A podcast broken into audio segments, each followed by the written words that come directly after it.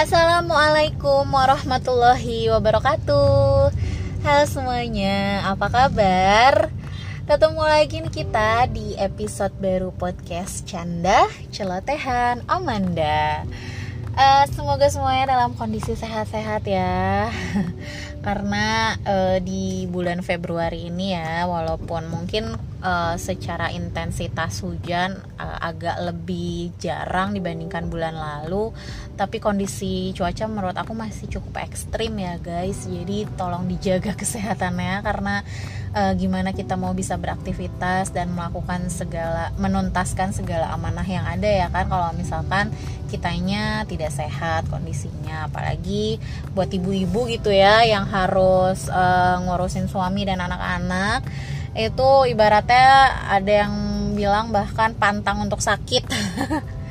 Jadi sebisa mungkin dijaga kesehatannya ya dijaga pola makannya dimaksimalkan dicukupkan istirahatnya kemudian di maintain juga pikiran hati dan mentalnya untuk bisa minim stres. Karena kalau misalkan uh, kitanya juga pikirannya kurang kurang bagus gitu ya lagi stres atau lagi apa biasanya rentan gampang banget sakit. Jadi sebisa mungkin jaga kondisi kesehatan uh, untuk diri kita dan keluarga ya guys. Nah uh, seperti biasa nih nemenin aku di perjalanan pulang dari kantor menuju rumah di sore hari. Uh, biasanya nih kalau lagi jalan pulang gini sambil nyetir tuh aku sambil mikir uh, apa sih nanti hal apa ya yang nanti bakal aku lakuin di rumah sama anak-anak? Main apa ya kira-kira enaknya?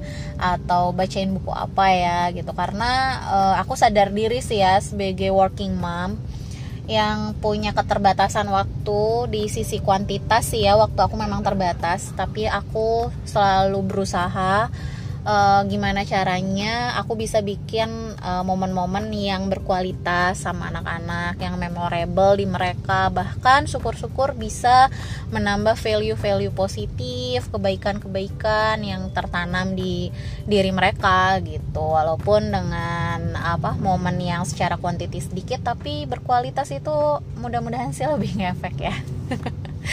Makanya aktivitas membaca itu buat aku cukup sering aku lakuin ya sama anak-anak uh, terutama sama anak pertamaku Satria yang bulan depan baru mau lima tahun.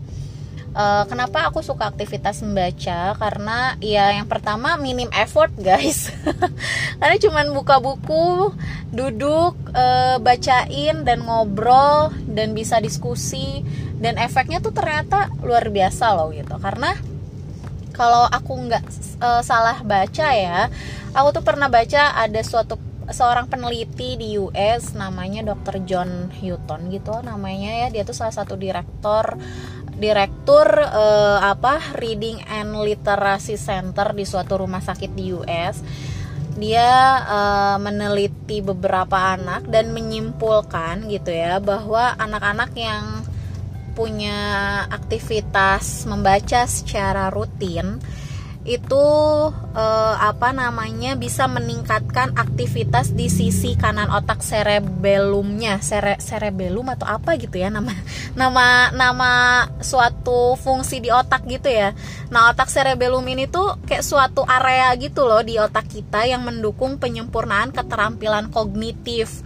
Terus bisa bikin juga daya ingat uh, seseorang itu bisa meningkat daya ingat anak itu bisa meningkat. Makanya kenapa orang-orang yang rajin baca buku gitu ya senang sama kegiatan membaca itu daya ingatnya bagus gitu.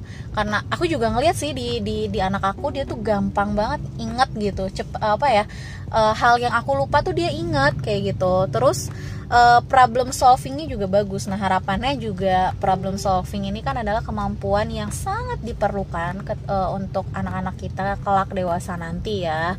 Apalagi misalkan nanti ketika dia jadi suatu jadi pimpinan misalkan ya tentu ya se setiap manusia itu adalah pemimpin. minimal untuk minimal memimpin dirinya sendiri gitu apalagi kan laki-laki ya nah kayak gitu jadi uh, hal-hal tadi benefit-benefit tadi tuh bisa kita dapat dari kegiatan bacain buku doang. Sesederhana itu tapi efeknya lumayan keren ya gitu. Makanya uh, kenapa kalau misalkan ada yang sering nanya kok sering banget sih man uh, apa bacain buku buat anak? Kok rajin banget sih? Kok uh, apa kenapa sih bacain buku anak dari kecil banget? Ya karena ketika aku baca apa ya banyaknya sebanyak itu loh manfaat membaca buku bacain buku sama anak atau istilah kerennya sekarang kan read aloud. Membaca nyaring ya gitu. Membacakan untuk anak itu efeknya luar biasa banget gitu. Makanya mungkin aku juga belum tahu ya hasilnya seluar biasa apa karena anak aku juga masih kecil. Aku belum bisa ngelihat uh, efek jangka panjangnya seperti apa. Tapi so far sejauh ini aku melihat anakku uh, memang ada dampak positifnya dari uh, kerja keras. Dari upaya emaknya membacakan buku buat dia gitu. Jadi sebisa mungkin sih ya aku tuh selalu nyempetin waktu buat bisa bacain buku ke anak-anak aku. Sebenarnya nggak perlu lama sih bacain buku tuh. Uh, kayak 10 sampai 15 menit sehari aja. Sebenarnya tuh udah cukup banget. Jadi uh, walaupun sebenarnya bakal biasanya sih ya bakal jauh lebih lama dari itu ya. Karena kan kayak satu halaman aja bisa kita ceritainnya panjang ke mana-mana. Terus belum lagi anaknya nanyain nah itu. Terus belum ketika misalkan kita ajak diskusi anak itu kan bisa ke mana-mana ya nyambungnya tapi minimal minimal banget loh ya. Semales-malesnya kita minimal sehari bacain 10 menit aja di umur anak 3 tahun itu kayak anak udah bisa udah baca udah baca buku sebanyak seribu buku loh. Kalau kita bacakan anak kita buku dari dia bayi. Nah itu kan keren ya. Kayak wah walaupun buku di rumah cuman beberapa Tapi kalau sering dibacain sehari minimal 10-15 menit Itu bisa dikatakan anak kita di umur 3 tahun udah baca 1000 buku. Nah kayak gitu. Jadi eh, apa namanya kegiatan baca buku tuh sebenarnya tidak tidak seribet apa sih. Sesimpel itu kok sebenarnya gitu. Tapi kan kadang tuh kita suka salah fokus. Kita tuh tujuan tujuan bacain buku ke anak tuh bukan uh, apa ya supaya anak seneng. Justru kayak fokusnya kayak gimana caranya anak aku tuh cepat bisa baca cepat melek huruf. Nah itu tuh kadang yang bikin salah kaprah di kita yang jadinya tuh kita capek karena kayak ih kok kamu tuh nggak nggak bisa bisa aja sih baca? Ini tuh huruf A loh ini tuh huruf Z loh ini tuh tulisannya ini ibu budi loh gitu. Nah itu tuh kalau kita fokusnya ke sana ya capek karena kan umur bayi umur lima tahun aja tuh sebenarnya nggak nggak belum bisa belum diharuskan untuk bisa baca kok sebetulnya gitu. Jadi ya fokusnya kita itu adalah gimana caranya supaya anak itu suka gitu. Bukan supaya anak bisa baca tapi gimana caranya anak itu suka baca Supaya apa? Supaya nantinya anak kita itu jadi pribadi pembelajar. Karena membaca adalah modal utama uh, untuk anak kita belajar sesuatu nantinya gitu. Jadi kalau misalkan anak-anak kita udah jadi pribadi pembelajar nih, emak-emaknya tuh kan nggak usah rempong nyuruh-nyuruh anak belajar ya kan, karena dia akan secara sadar ketika dia butuh suatu ilmu, ketika dia penasaran akan sesuatu hal, hal yang harus dia lakukan adalah dengan mencari suatu ilmu itu gitu. Nah, cara salah satu caranya adalah dengan membaca. Jadi ketika anak udah seneng baca, dia akan secara otomatis mencari tahu kan, kayak gitu loh. nah, jadi selain benefit yang dibilang uh, sama aku tadi gitu ya. Dengan bacain buku tentunya kita juga bisa bikin bonding kita sama anak tuh lebih deket lagi gitu. Nggak usah ada alasan sibuk kerja buat aku misalkan. Atau yang ibu rumah tangga sibuk kayak aduh tugas urusan rumah tuh nggak kelar kelar lah nyuci inilah ngepel itulah nyetrika baju lah segala macem gitu kan. Karena kan yang tadi aku bilang ya cuman butuh waktu 10 sampai 15 menit sehari doang gitu kan. Nah, uh, Satria sendiri udah aku bacain buku sebenarnya dari umur berapa ya? Kisaran 8 bulanan lah itu bacain buku nah kalau misalkan kita sesimpel itu mikirnya itu kan kayak kita mikir oh iya ya gampang kok bacain buku buat anak gitu. Dan efeknya juga luar biasa ya.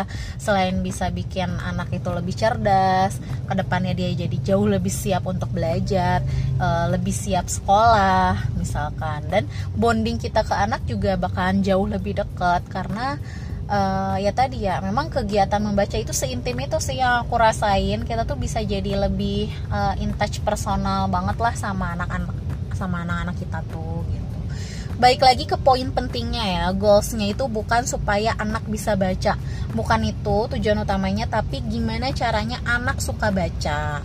Nah gimana caranya biar anak kita itu suka baca mungkin sebelum kita ke agenda membaca, ada baiknya kita coba lakuin aktivitas pra membaca. Nah, per, mungkin ada kegiatan-kegiatan ini yang bisa kita bisa kita lakuin di rumah sama anak-anak atau memang kayak kita tuh udah fokus duluan ke ngajarin anak baca tapi lupa kegiatan pra membaca ini. Mungkin ada yang ke skip gitu. Nah ini coba bisa dilakuin di rumah lah ya kita coba sama-sama. Apa aja sih kegiatan pra membaca itu? Nah yang pertama itu adalah ngobrol sama anak. Eh, siapa yang sering ngobrol sama anak biasanya akan jauh lebih mudah ke depannya untuk membacakan buku ke anak. Karena ya ngobrol sama anak tuh kayak ya udah kayak kita ngobrol aja sama temen sama ya sahabat gitu. Udah kalau kalau kita udah ngobrol asik gitu ya sama sama suami misalkan itu kan kayak udah lupa waktu gitu ya. Wah detail segala macam ngobrolin cerita apa pun gitu. Nah sama sama anak pun sebisa mungkin kita coba cerita banyak hal gitu ya. Mungkin kalau anak kita masih bayi kayak anak aku yang kedua kan masih umur 7 bulan gitu ya. Tapi aku coba dari sekarang kayak aku sering cerita kegiatan aku. Misalkan aku lagi ngapain terus uh, lagi dipakein baju pun aku cerita ayo dede ini tuh lagi lagi baca uh, apa lagi pakai lagi pakai baju. Jangan lupa berdoa dulu. Bismillahirrohmanirrohim ayo dede kita mandi. Bismillahirrohmanirrohim pakai sabun dulu. Jadi didetailin ceritanya. Karena dengan kita bercerita anak itu akan mendengar apa yang kita bicarakan sehingga kosakatanya dia tuh akan bertambah gitu. Dengan kosakatanya dia bertambah dia bisa berkomunikasi dengan baik. Pada akhirnya nanti jadinya akan minim tantrum juga gitu terus yang kedua dengan mendongeng. Ngedongeng itu nggak harus sesuatu hal yang kayak apa ya yang ribet gitu. Apalagi kan anak-anak itu eh, konsentrasi rentang konsentrasi rentang fokusnya itu masih super singkat lah ya gitu. Bahkan ada yang bilang rentang konsentrasi anak itu satu menit dikali usianya. Berarti ibaratnya kalau anaknya masih satu tahun ya rentang konsentrasi cuma satu menit guys. Nggak usah mikirin dongeng yang panjang lebar gitu ya dari prolog inti cerita sampai penutup nggak usah tapi bikin suatu dongeng yang simple yang bikin anak juga menarik gitu ya buat didengerin ya dengan misalkan intonasinya kita juga diatur supaya apa ya ekspresif lah gitu. Terus juga uh, apa namanya ceritanya juga sebisa mungkin mengandung value-value kebaikan lah. Sehingga anak juga bakalan apa ya uh, tertarik untuk mendengar gitu. Karena sebetulnya uh, apa indera pendengar itu uh, hal apa ya modal utama per, dan pertama buat anak kita untuk belajar. Jadi jangan sia-siakan pendengaran mereka e, maksimalkan mereka mendengarkan hal-hal yang baik gitu. Jadi apalagi kan seorang ibu ya biasanya seorang ibu itu fitrahnya memang cerewet. Sehari itu harus mengeluarkan berapa ribu kata guys? Kurang lebih 8 ribu sampai 20 ribu kata per hari ya kan? Daripada kata-kata itu kita pakai buat omelan buat julid sama orang, buat gibahin orang gitu kan. Mendingan kita pakai buat ngedongeng ke anak supaya apa? Ketika kita udah berceloteh sedemikian panjangnya, uh, kita pun sudah apa namanya terfasilitasi ya kecerewetan mak-mak ini gitu kan. Dan kita pun juga bisa ngedongengin ke anak kayak gitu. Terus yang poin ketiga uh, kegiatan pra membaca berikutnya adalah bernyanyi. Nah ini kan gampang ya nyanyi bareng. Apa sih nyanyi lagu-lagu anak? Kan banyak ya yang sederhana gitu. Tapi baik lagi kalau aku sih memilah juga ya. Aku filter juga lagu-lagu yang baik ya yang bisa ditanamkan ke anak. Kalau sekarang uh, kalau iya kayak sesimpel misalkan pelangi-pelangi. Pelangi-pelangi kan dijelaskan di, di akhir ya bahwa pelangi itu adalah ciptaan Allah. Terus misalkan lagu Asmaul Husna gitu kan untuk biar dia gampang ingat asma-asma Allah terus kisah uh, kisah-kisah nabi yang dilaguin atau sesimpel apa namanya pok ame-ame atau apa gitu. Itu kan sebenarnya untuk menarik uh, minat anak supaya mau uh, pay attention gitu ya buat uh, merhatiin kita dan ajak untuk anak bisa apa ya berkomunikasi. Nanti kan anak bisa belajar untuk bertepuk tangan ikut nyanyi kalau udah bisa ngomong. Nah itu uh, seru juga sebetulnya. Kemudian kegiatan pra membaca yang terakhir adalah role play atau bermain peran. Ini juga adalah aktivitas yang sangat disukai sama anak-anak. Ya pasti ya. Kalau misalkan main sama anak tuh nggak jauh nggak jauh-jauh lah dari role play. Kayak misalkan uh, apa namanya kalau anak aku tuh Satria sukanya sama binatang. Jadi kayak sering banget kita uh, bermain peran ya nggak jauh-jauh dari binatang. Ya entah bundanya jadi uh, apa jadi kambing lah dia jadi buaya lah karena dia suka buaya dulu. Terus dia juga suka dinosaur. Kadang aku jadi apanya lah gitu. Jadi kelinci lah jadi ayam lah apalah gitu kan. Atau kalau misalkan anak perempuan kan seru ya uh, apa gitu. Terus kayak sering apa main keluarga keluargaan nah itu kan uh, anak juga dilatih daya imajinasinya, terus dilatih komunikasinya juga, terus bonding sama kitanya juga ada kebentuk. Nah itu tuh sebetulnya permainan-permainan simple ya empat hal tadi ya uh, dari mulai ngobrol sama anak, mendongeng, terus nyanyi bareng dan role play atau bermain peran itu tuh sebenarnya aktivitas yang super super duper sederhana tapi tuh efeknya luar biasa guys jadi sebenarnya uh, kegiatan kegiatan-kegiatan itu tuh uh, adalah kegiatan pra membaca tanpa kita sadari gitu. Jadi kalau misalkan kita udah sering ngelakuin aktivitas itu ya udah berarti kita tuh sering sebetulnya melakukan aktivitas pra membaca. Dan ketika anak kita udah sering melakukan aktivitas pra membaca tadi untuk diarahkan uh, suka membacanya relatif lebih mudah. Yang aku rasakan sih seperti itu.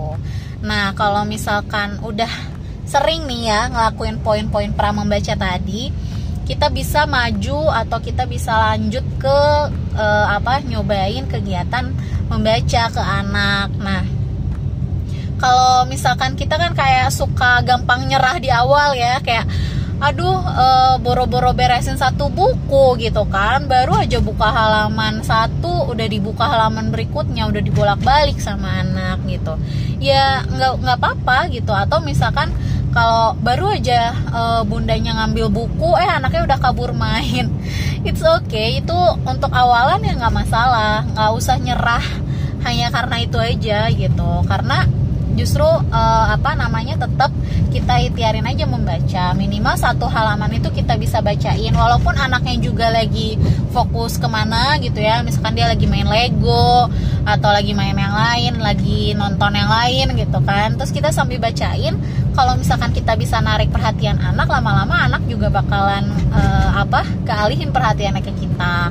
Kayak gitu. Terus kalau misalkan pas kita lagi pengen buka halaman berikutnya anak aku tuh cuman pengen uh, baca buku di halaman tertentu aja gitu. Loncat-loncat lah jadi ceritanya nggak runut lah segala macam padahal sebenarnya nggak apa-apa loh. Itu kan berarti nandain bahwa si anak kita itu lagi mencerna apa yang ada di halaman itu kan gitu. Berarti sebetulnya rentang fo uh, fokusnya itu sudah bertambah dan uh, apa namanya minat bacanya tuh sudah ada banget sebenarnya. Jadi jangan disia-siakan guys.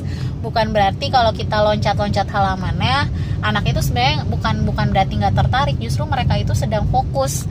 Justru dia sedang sangat minat di situ. Kayak gitu loh gitu. Jadi jangan gampang nyerah ketika hal itu terjadi karena aku pun mengalami kok. Terus kalau misalkan berikutnya kayak pengennya nyerit diceritainnya bukunya gitu itu aja terus kan emaknya bosen ya bacain buku uh, Nabi Adam mulu gitu kan pengen lanjut kayak ke Nabi Idris gitu kan. Ya jangan kalau misalkan anaknya cuman uh, masih pengen di buku itu ya tetap aja kita uh, ikutin aja alurnya anak pengen apa gitu. Karena ketika kita ngikutin maunya anak biasanya anak itu uh, apa namanya uh, lebih meningkat lah ya daya imajinasinya terus mungkin dia juga sedang mempelajari sesuatu dia lagi mencerna sesuatu kita bisa ngembangin uh, ngembangin kerangkap bacaannya itu gitu. Walaupun dari satu halaman yang sama walaupun dari satu buku yang sama sebetulnya value-value uh, lainnya itu bisa kita kembangin lagi kok gitu. Jadi bukan berarti kita harus gonta-ganti buku gonta-ganti cerita.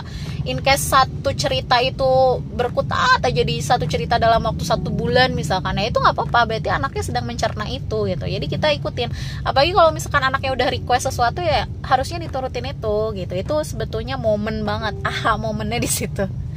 Nah terus kalau misalkan kan kalau kalau baca buku tuh harus duduk diem ya. Anakku tuh nggak bisa diem di pangkuan gitu. Dia tuh pasti lari ke sana ke sini kabur lagi loncat loncat lagi gitu. Nah sebetulnya nggak apa-apa kok gitu. Yang namanya anak bergerak itu kan berarti normal sehat aktif harusnya kita kan bersyukur ya gitu. Ya nggak apa-apa.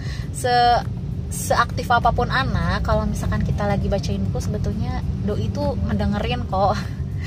Jadi nggak apa-apa bacain aja gitu. Misalkan ya udah satu halaman selesai beres terus kita uh, jeda waktu beberapa saat dulu gitu kan. Terus lanjutin lagi ya nggak apa-apa sebetulnya. Uh, apa namanya sesibuk apa pun anak seaktif apa pun anak gitu ya sebetulnya uh, dia itu ngedengerin kita kok gitu. Jadi janganlah gampang nyerah sama eh, hal-hal uh, yang emang fitrahnya anak begitu gitu kan. Justru kita tuh jangan kalah. Justru kita itu harus dituntut untuk kreatif dalam menghadapi anak gitu. Karena kan kita pengennya anak juga cerdas ya gitu ya. Ibunya juga harus cerdas dalam mencari strategi-strategi di dalam rangka kebaikan juga ya dalam rangka mencerdaskan anak juga gitu. Jadi kalau misalkan belum selesai satu baris belum selesai satu halaman udah minta ganti buku lagi ya ikutin aja alur ya ganti aja terus gitu. Kayak gitu. Nah jadi kalau untuk anak kinestetik lah anak yang nggak bisa diem lah anak yang apalah gitu. Kan berarti kan kita sudah tahu tipe anak kita ke mana.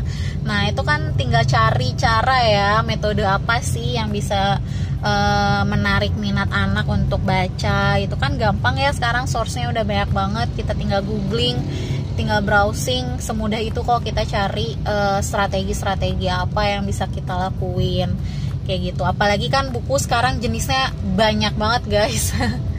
Mungkin dengan buku berbagai variatif uh, jenis buku itu bisa bikin anak penasaran sama buku ya. Sekarang kan ada kayak buku flip flap lah buku yang bisa dibuka tutup gitu ya buku berjendela. Ada buku yang uh, apa namanya puzzle book lah gitu. Itu kan anak jadi nggak berasa kayak lagi baca buku walaupun sebenarnya dia juga belajar kan. Satria tuh dulu demen banget tuh puzzle booknya dia tuh seneng gitu. Apalagi puzzle booknya tentang kendaraan kan. Jadi dia hafal tuh jenis-jenis kendaraan tuh ya dari uh, apa puzzle book tadi. Terus ada kayak apa namanya activity book gitu kan sambil coret-coret sambil apa kan dia jadi belajar pola belajar apa uh, ada sounds book gitu kan. Terus apalagi aduh banyak banget lah tipe-tipe buku sekarang. Apalagi ada buku yang di dalamnya juga ada mainannya juga gitu kan. Jadi itu anak nggak akan bosen. Beda ya sama zaman kita buku tuh ya udah gambarnya sedikit kebanyakan hitam putih tebel lagi. Ya gimana mau kita senang sama buku ya? Tapi kalau zaman sekarang itu super gampang banget sih sebenarnya karena uh, jenis buku itu lebih banyak gitu sekarang. Jadi ya e, dimudahkan sih sebenarnya emak-emak zaman sekarang gitu gitu.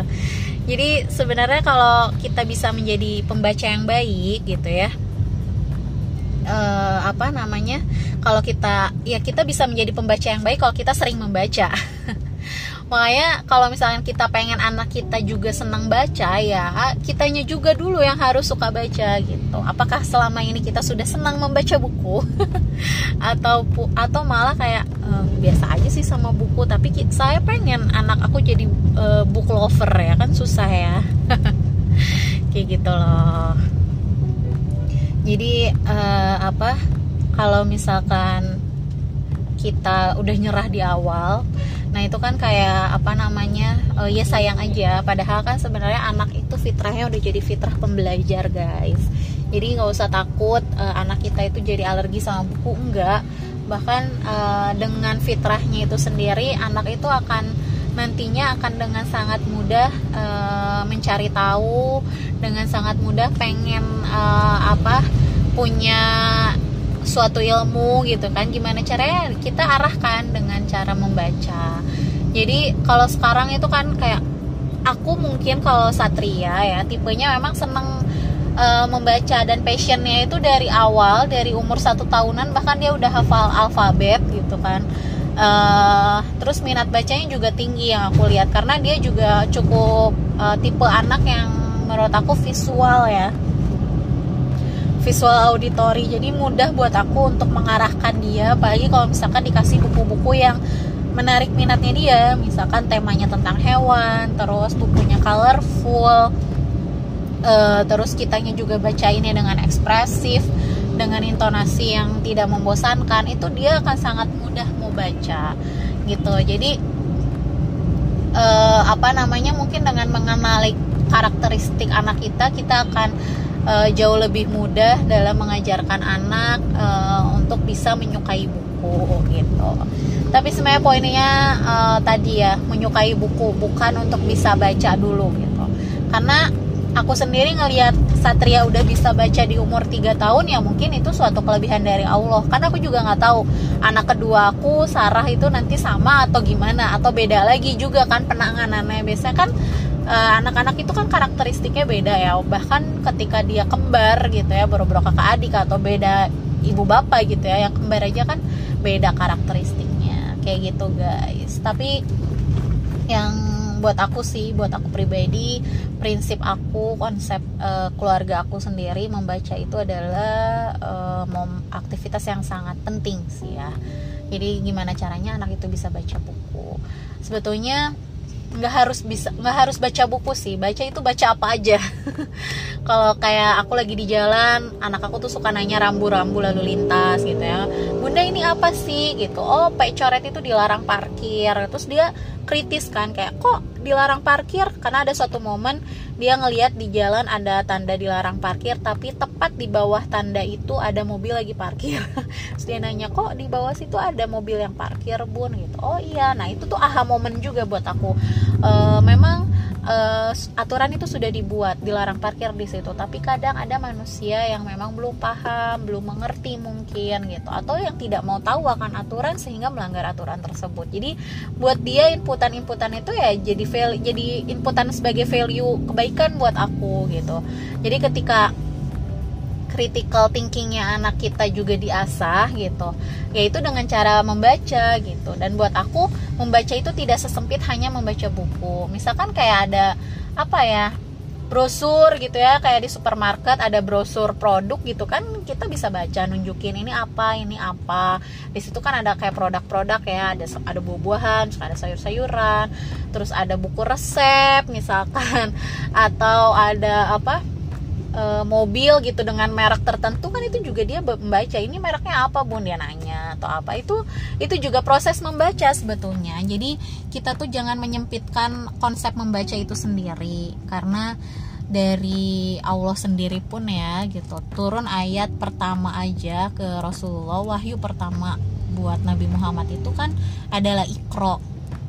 Ikro di situ artinya membaca tapi bukan berarti membaca yang beneran baca buku karena uh, saat itu Nabi Muhammad pun uh, belum bisa membaca ya gitu. Aku tidak bisa membaca gitu kata Nabi Muhammad. Karena yang dimaksud sama Allah adalah bukan baca buku tapi justru membaca kondisi sekitar Mekah saat itu gitu. Karena uh, bisa nggak ya Nabi Muhammad itu membaca kondisi Mekah itu kayak gimana? Dan apakah sudah sesuai dengan yang Allah inginkan atau belum? Nah akhirnya Nabi Muhammad itu bisa kan? Karena dari situ uh, Nabi Muhammad saat itu berada di Gua Hiro. Uh, beliau melihat kejahiliahan yang terjadi di kota Mekah. Akhirnya dia uh, menyimpulkan bahwa uh, saya diutus oleh Allah. Gimana caranya supaya Mekah ini te, uh, apa hilang kejahiliahannya? Berarti saya itu harus apa? Saya itu harus menyampaikan yang benarnya seperti apa dengan cara dakwah. Nah itu loh proses membaca yang Allah inginkan. Nah dari apa awalnya? Sebetulnya ya kalau kita bisa melihat uh, prosesnya gitu itu kan awalnya Nabi Muhammad uh, mendengar wahyu itu dari uh, utusan Allah dari malaikat Jibril. Itu dengan mendengar gitu dengan didengarkan. Kemudian ada juga ayat-ayat uh, di Quran terkait membaca ini gitu kan. Kayak di surat An-Nahl ayat 16 di situ dikatakan bahwa Allah mengeluarkan kamu dari perut ibumu dalam keadaan tidak mengetahui sesuatu apa pun dan Allah memberikanmu pendengaran, penglihatan dan hati nurani agar kamu bersyukur. Poin pertama yang disebutkan oleh Allah adalah pendengaran. Jadi kita mendengar dulu baru melihat. Nah, makanya proses membacakan buku ini penting menurut aku karena anak itu adalah mendengarkan kita dulu bukan anak itu baca buku dulu sendiri gitu tapi justru anak itu mendengar kita melihat kita dengan membaca lalu dia juga akan ngikutin nantinya gitu kan gitu. Terus ada ayat-ayat yang lain juga gitu ya terkait uh, membaca ini yang buat aku merinding sih ya jadinya. Jadi uh, buat kita nih ibu-ibu uh, se apa namanya semales apa pun kita coba kita maksimalin ya usahakan untuk bisa membacakan buku ke anak. Karena ya memang sepenting itu loh itu bahkan uh, Allah juga sudah memerintahkan kita untuk belajar dengan cara membaca dimulai dari mendengarkan. Se apa ya kegiatan sederhana yang efeknya luar biasa. Ya harapannya tadi sih kalau aku pribadi pengennya supaya uh, anak aku tuh nanti jadinya pribadi pembelajar uh, lifetime learner.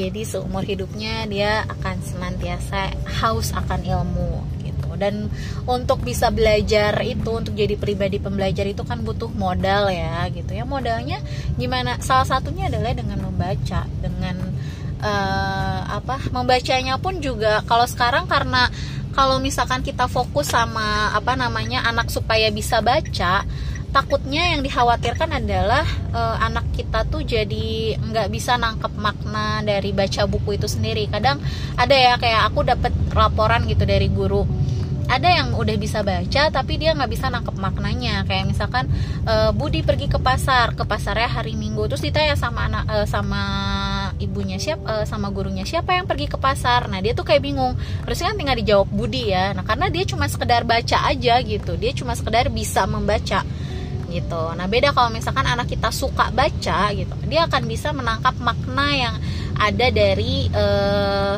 bacaan tersebut gitu. Harapannya seperti itu guys. Kayak gitulah ya kira-kira. Hmm, mungkin itu aja kali ya karena uh, udah mau nyampe. Nggak kerasa banget alhamdulillah.